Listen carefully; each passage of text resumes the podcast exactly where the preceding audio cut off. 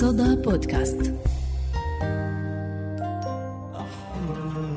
إلى خبز أمي وقهوتي أم ولمسة أمي. كل مرة كنت أسمع فيها هاي الأغنية أو غيرها من الأغاني أو بشوف واحد من الإعلانات التجارية على التلفزيون أو ما إلى ذلك كنت بفكر بالصورة النمطية يلي خلقها عالم الميديا عن الأم. ويلي هي الأم يلي بتخبز وبتعجن وبتحمص القهوة وبتهدب الشماغ وما إلى آخره. بس أنا وكتير من أصدقائي أمهاتنا ما خبزونا على الصاج بس ياما عملوا لنا أكلات زاكية. وما حمصت لنا القهوة واستخدمت المهباش لتطحنها بس هذا لا يعني إنه ما بنحن وبنشتاق. للقهوة يلي بتعمل لنا إياها أمنا الصبح وبناخدها معنا على السريع وإحنا بالطريق للشغل أو للجامعة. يمكن لأنه الحياة تغيرت برضو شكل أمهاتنا تغير عن الصورة النمطية يلي مأخوذة عن الأم. وهذا الإشي خلانا نسأل الناس كبار وصغار عن كيف بيشوفوا شكل أمهم.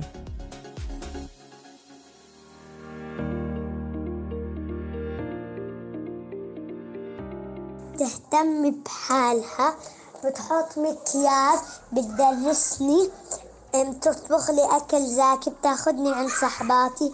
بتاخدني مشاوير وبالصيف بتخلينا نسبح. ماما بتخليني أنط على الكنباي وأعمل إيش ما بدي وأنا بحبها كتير كتير. بشوف أمي حدا كتير طيب وكتير حنون ودايما موجودة. بدي أحكي معها بأي موضوع بالعالم بتكون موجودة بتسمعنا دايما. إيه كمان كتير بتضحكنا والله يخلي كل الأمهات يا رب. قدي بحب فاقة الصبح مع ماما؟ خاصة إنها بتحب تشرب القهوة مني. وبتحكي لي إني بعمل أذكى قهوة. وقدي بوثق بذوقها لما تختاري لي الأواعي أو حتى برأيها بتفاصيل يومي مع إنه بعاند أحيانا. دايما هي اللي بتطلع صح. طريقة تعبير الحب عند ماما بتختلف عن كل حدا. يمكن ما بتحكي بس بتفقدنا بالأشياء اللي بنحبها وبتحس بكل شي عم يصير معنا حتى لو ما حكينا. الله يخلي لي إياها ويخليها تاج فوق رأسي. ماما عندها جلاية ونشافة بس بتتعب لأنها بتروح على الشغل وبتراجع دروسي وبتلاعبني وبتطبخ. ماما بتوصلني على المدرسة وبتوديني على المول تشتري لي فساتين جداد وبتلعبني على الألعاب وبتطبخ لي لازانيا وشبس وباستا مقلوبة وبتساعدني بدراستي. تاخدني على المول وبتشتري لي فساتين. هاي الجملة الصغيرة ذكرتني بحديث صديق لإلي كان عم يحكي لي عن الوقت والجهد يلي كانت والدته الله يطول بعمرها. تبذله بوقت الأعياد وهي عم بتخيط فساتين العيد لإخواته البنات. البنات ما بطلوا يلبسوا فساتين والأمهات ما بطلوا يخيطوا. بس الأمهات صار عندهم وظائفهم يلي بتشغلهم وبتاخد من وقتهم 40 ساعة بالأسبوع على الأقل. وغيرها من أمور الحياة يلي حولتهم ليشتروا فساتين بناتهم بدل ما يخيطوها. شكل الأم اليوم ولبسها ومكياجها ما قلل أبداً من حملها ومسؤوليتها والتعب يلي كانت وما زالت عم تتعبه ببيتها مع زوجها وأولادها. وهذا الكلام يلي بيحكوا فيه الشباب اليوم لما بيشوفوا زوجاتهم أمهات وبتذكروا أمهاتهم أيام زمان. محمد فريج صانع محتوى أردني. وبيشتغل بإحدى القنوات الإعلامية الأردنية. حبينا أنه يشاركنا رأيه وتجربته بموضوع حلقتنا لليوم.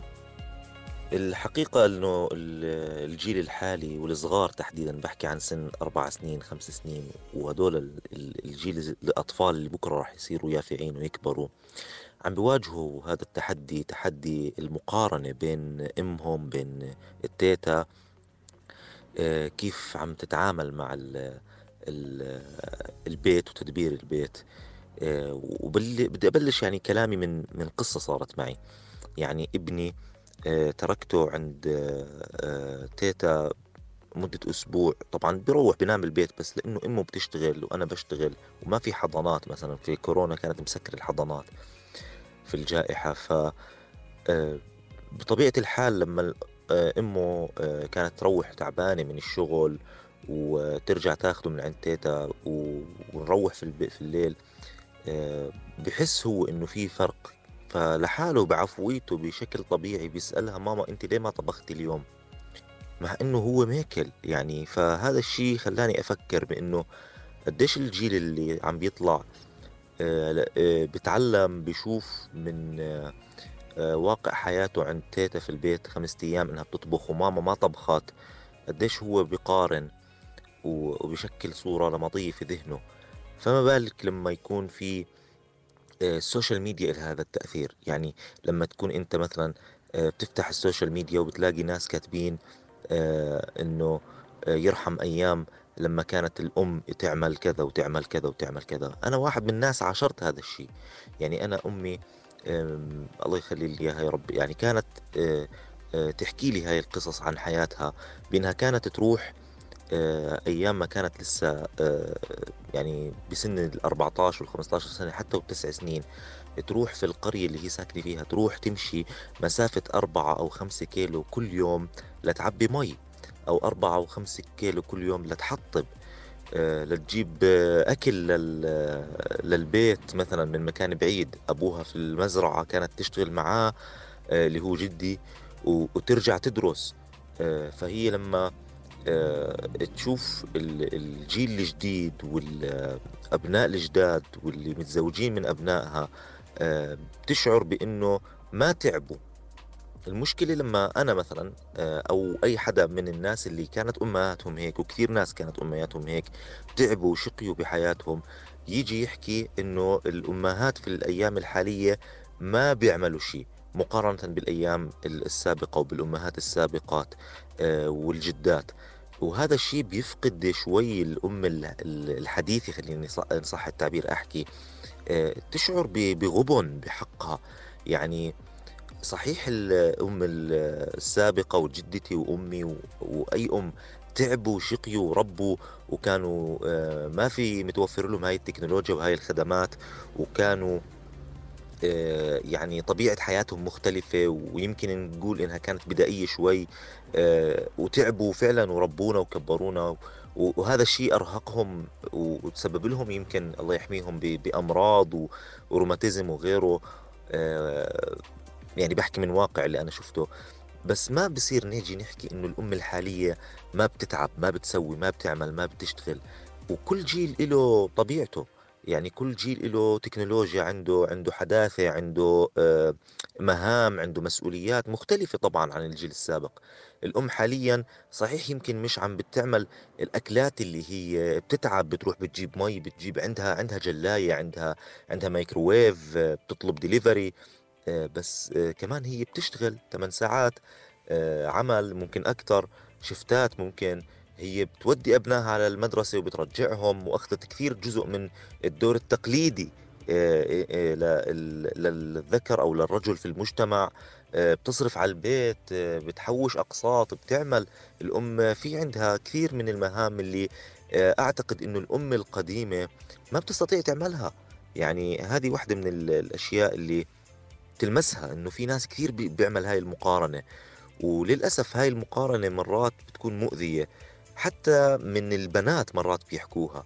يعني زمان كانت الوحدة مثلا دائما الولادة الطبيعية في المستوصف أو من عند الداية أو مثلا تروح على المستشفى تولد آه، وبعد يوم أو يومين ترجع على البيت أو بنفس اليوم ترجع على البيت وتبلش طبخ ونفخ وتشيل وتقيم. آه، لكن مثلا الأمهات حاليا ممكن تكون العملية قيصرية ممكن تأخذ إبرة الظهر وهاي إبرة الظهر دائما بنسمع كلام من أمهات ولدوا آه، أو جدات أو حتى من بنات وصبايا بجيل الأم الحديثة أو الوالدة آه، و آه، بصير في إنه يعني انتقاص من آه، من تعبها بحملها تسعة أشهر وولادتها بإنه أنت يعني بتاخدي ال- الإبرة آه، وأنا بحكي كل كل وحدة وطبيعتها كل أنثى لها طبيعة ولها خلفيتها ولها مهاراتها ولها قدراتها. فأعتقد ما بصير نعمم دائما إنه الأم سابقا كانت أفضل من الأم حاليا. الزوجة سابقا كانت أفضل من الزوجة الحالية. العطاء للأم السابقة وللزوجة السابقة ولل... كان أفضل من الزوجة الحالية والأم الحالية وأقوى وأقدر. والجيل الجاي, الجاي جيل مدلع والأمهات ال- الحاليات مدلعات وكل شيء عندهم كل شيء متوفر لهم.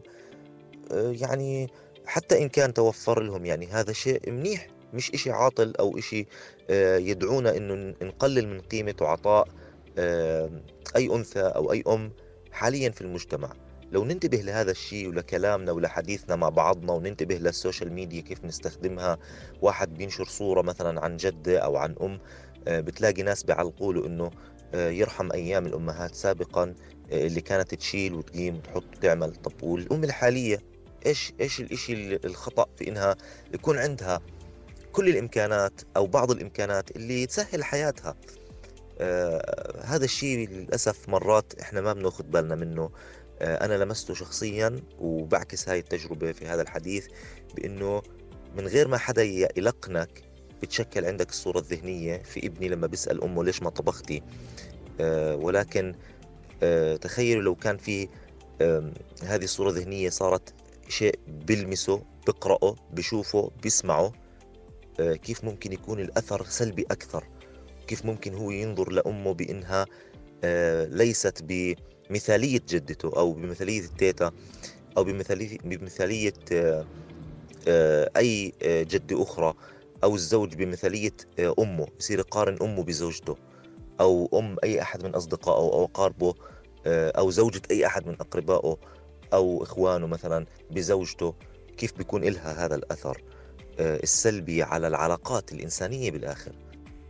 أحيانا إحنا كمان يعني بنستكثر مثلا على ال على ال الزوجة حاليا أو على الأم حاليا نستكثر مثلا إنها آه، تعمل تاتو مثلا أو إنها بتروح على الصالون لتعمل شعرها أو مثلا بالمناكير والبتكير وهي الأشياء. بينما بنشوف جدتنا مثلا إنها عاملة وشم أو داقة. آه، ف نطلع على إنه هذا أصالة وهذا تراث ولكن نطلع على إنه هذا آه، نوع من ال ال استخدام الادوات المتاحة للجمال وللعنايه آه، بالأنثى. بنستخدمه كإنه شيء غريب علينا وشيء ما بصير نعمله. وكنا نقبله إنه أمي أو جدتي مثلا تكون داقة أو حاطة وشم. أو بتدخن الهيشة على سبيل المثال وكثير من الناس عنده هذه التجربة. آه، وهذا هذا اللي اللي بيخلي الناس تقارن آه، وتنتقص من أهمية الحداثة اللي بين إيدينا والمجتمع كيف تطور. آه، هذا مرات بيكون أثره سلبي على الأسرة على الزوج على الإبن على الزوجة نفسها. هذا اللي لازم ننتبه له لما بنطلق التعميمات على مواقع التواصل الاجتماعي وفي حديثنا ولما بنعمم بأنه الأم السابقة والزوجة السابقة والجد السابقة أفضل وأنبل وأحسن آه، بعطائها وبجهدها وبأخلاقها وبكل شيء من الأم الحالية. هذه الرسالة اللي لازم توصل للناس بأنه الواحد ينتبه على اللي بيحكيه حتى يضمن دائما إنه يكون ماشي بالمسار السليم بأسرة سليمة بوجود آه، بيئة محيطة بأبنائه بأسرته سليمة آه، خليه يا رب دائما هيك سعيد هو وأسرته. شو ما كان شكل الأم وزمانها وكيف ما صار بتضل هي الحدايا اللي بنحن لها وبنشتاق لها.